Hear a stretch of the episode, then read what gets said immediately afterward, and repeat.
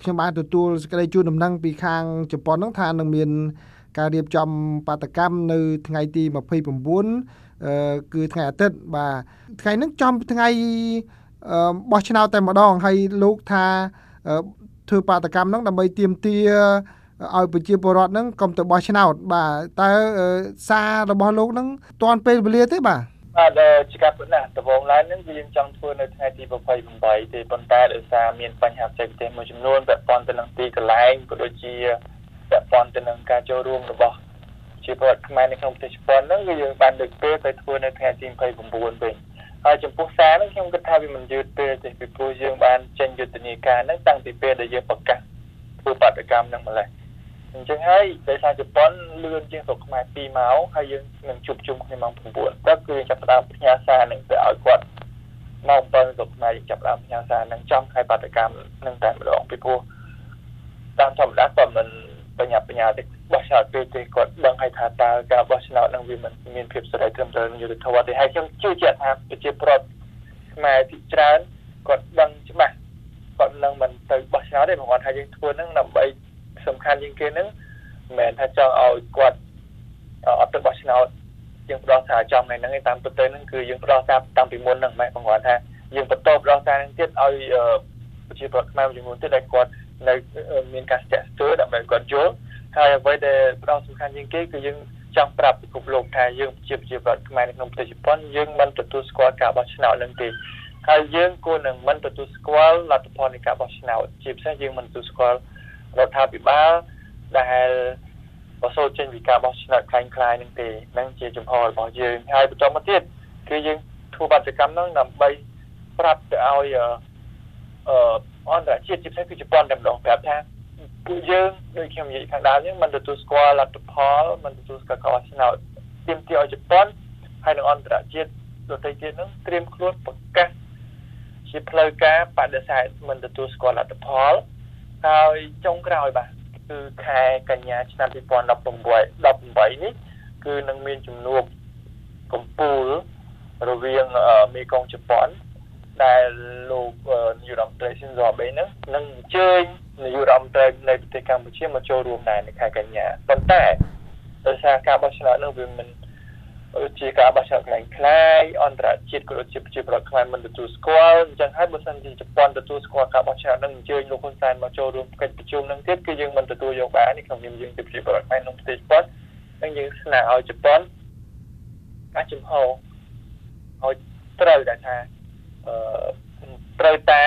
មិនទទួលស្គាល់លទ្ធផលការបោះឆ្នោតបាទនេះគឺជាគោលចំហរបស់យើងហើយនៅពេលដែលគាត់មិនទទួលស្គាល់លទ្ធផលការបោះឆ្នោតមានន័យថា ប្រទេសកម្ពុជាគ្មានរដ្ឋាភិបាលស្របច្បាប់ណាដែលអាចមកចូលរួមកិច្ចប្រជុំមេកងជប៉ុនដែលប្រព្រឹត្តទៅនៅខែកញ្ញានោះទេបាទលោកបណ្ណាបានប្រកាសមុននេះបន្តិចហើយនឹងជំហរជាបន្តបន្តមកគឺបើសិនជាគ្មានគណៈបកសង្គ្រោះជាតិគឺមិនទទួលស្គាល់លទ្ធផលនៃការបោះឆ្នោតនិងរដ្ឋាភិបាលដែលកើតឡើងពីការបោះឆ្នោតនេះទេចុះបើសិនជាក្នុងសេណារីយ៉ូអញ្ចេះវិញឥឡូវនេះយើងឃើញថាសភាពការនយោបាយនៅក្នុងប្រទេសកម្ពុជា មានភាពតឹងតែងខ្លាំងដោយសារតែគណៈបកសង្គ្រោះជាតិមិនបានចូលរួមនៅក្នុងការបោះឆ្នោតឬក៏អ្នកនយោបាយជាង100នាក់ហ្នឹងមិនបានធ្វើនយោបាយនៅក្នុងប្រទេសកម្ពុជាទេក៏ប៉ុន្តែបើសិនជាក្រោយពីការបោះឆ្នោតនេះហើយស្រាប់តែមានការបន្ធូរបន្ថយពីលោកនាយករដ្ឋមន្ត្រី ការចរចាសម្របសម្រួលនយោបាយអីដោយដែលយើងធ្លាប់ឃើញក្នុងពេលអតីតកាលហ្នឹងហើយគណៈបកសង្គ្រោះជាតិឬក៏មន្ត្រីគណៈបកសង្គ្រោះជាតិសុកចិត្តចូលទៅប្រទេសកម្ពុជាវិញធ្វើនយោបាយក្រោមស្លាកគណៈបកអីផ្សេងនេះតើលោកទទួលស្គាល់រដ្ឋាភិបាលនឹងទៀតទេពេលនោះចំពោះខ្ញុំវិញគឺខ្ញុំ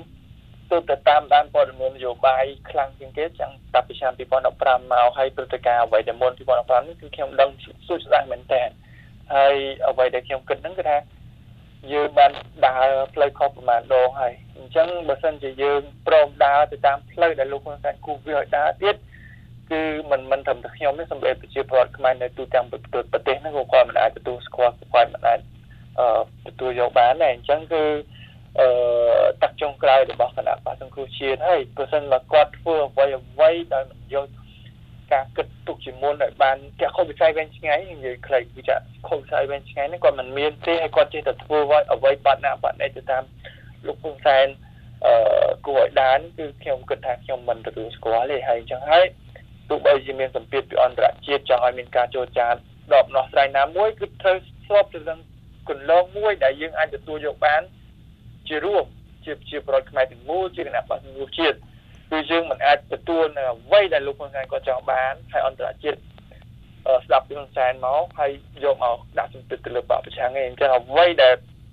កើតពីមុនមកដូចជាការចូលសភាការចាំ2013អីហ្នឹង14អីហ្នឹងគឺសិតតែជាសម្ពាធ អន្តរជាតិហើយនឹងការចង់បានរបស់លោកហ៊ុនសែននេះអញ្ចឹងបើថាយើងនៅតែបន្តដើរយើងសអញ្ចឹងទៀតហ្នឹងប្រទេសកម្ពុជាយើងគឺមិនអាចស្ដារបានទេអញ្ចឹងយើងត្រូវតែដើរ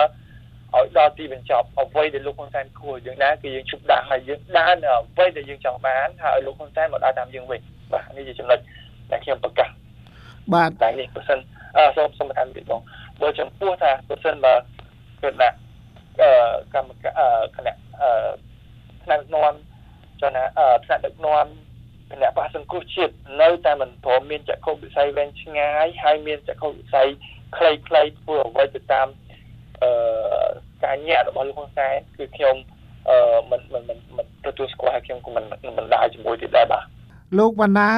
គឺជាប្រជាពលរដ្ឋខ្មែរបើទោះបីជាលោកនៅក្រៅប្រទេសក៏ដោយក៏ប៉ុន្តែនៅតែមានឈាមជ័រជាខ្មែរហើយទន្ទឹមនឹងនោះលោកវណ្ណា គឺជាតំណាងឲ្យយុវជនចំនួនថ្មីបាទដោយដែលលោកបានលើកឡើងពីខាងដើមហើយគឺលោកចាប់អារម្មណ៍ខ្លាំងលើឆាកនយោបាយហ្នឹងពីត្រឹមឆ្នាំ2015មកតើលោក ក្នុងនាមជាយុវជនចំនួនថ្មីរបស់កម្ពុជាហ្នឹងតើលោកយល់ថាអ្នកនយោបាយគួរតែមានភាពបត់បែនហើយគួរតែកុំតែស្លាប់រស់ការពារតែមនុស្ស118នាក់ហ្នឹងហើយចូលទៅរួមជីវភាពនយោបាយក្រោមរូបភាពជាគណៈបកថ្មីដោយដែលគណៈបកនានានៅក្រៅប្រទេស ដែលគេធ្លាប់ធ្វើមកគ្រាន់តែដូររូបភាពហើយគេអាចនៅតែមានទឹកចិត្តគោលនយោបាយដដែលដើម្បីចូលរួមប្រកួតប្រជែងទេបាទបាទខ្ញុំមិនមានបំណងឲ្យទៅលើរឿងហ្នឹងទេបងគាត់ថាអ្វីដែលខ្ញុំសង្កេតឃើញបរិបទសពថ្ងៃហ្នឹងគឺបើសិនបើយើងទាត់មនុស្ស118នាក់ចោលហើយយើងទាត់អឺលោកប្រធានកឹមសុខាសាន់ស៊ីចោលហើយយើងទៅបើកគណៈបកថ្មី សួរថាចាក់ខូចវិស័យវែងឆ្ងាយយើងអាចដឹងហើយលោកហ៊ុនសែនក៏ធ្វើនយោបាយ32ឆ្នាំហើយគាត់ចង់រំលែងណាចោលក៏បានចាត់តាមពលចិត្តចុះសំណុំដែលយើងស្ដារអ្វីដែលជាសមិទ្ធផលដែលលោកទាំងពីរបានធ្វើរហូតមកដល់ហ្នឹងហើយយើង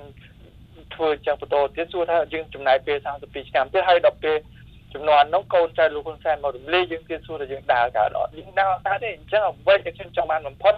ខ្ញុំចង់ឲ្យបានឲ្យមានការផ្លាស់ប្ដូរ នៅក្រោមរូបភាពគណៈបកសង្គ្រោះជាតិបាទព្រោះចំពោះខ្ញុំគឺធ្វើថាយើងមិនអាចទៅបោះឆ្នោតឲ្យគណៈបកផ្សេងទៀត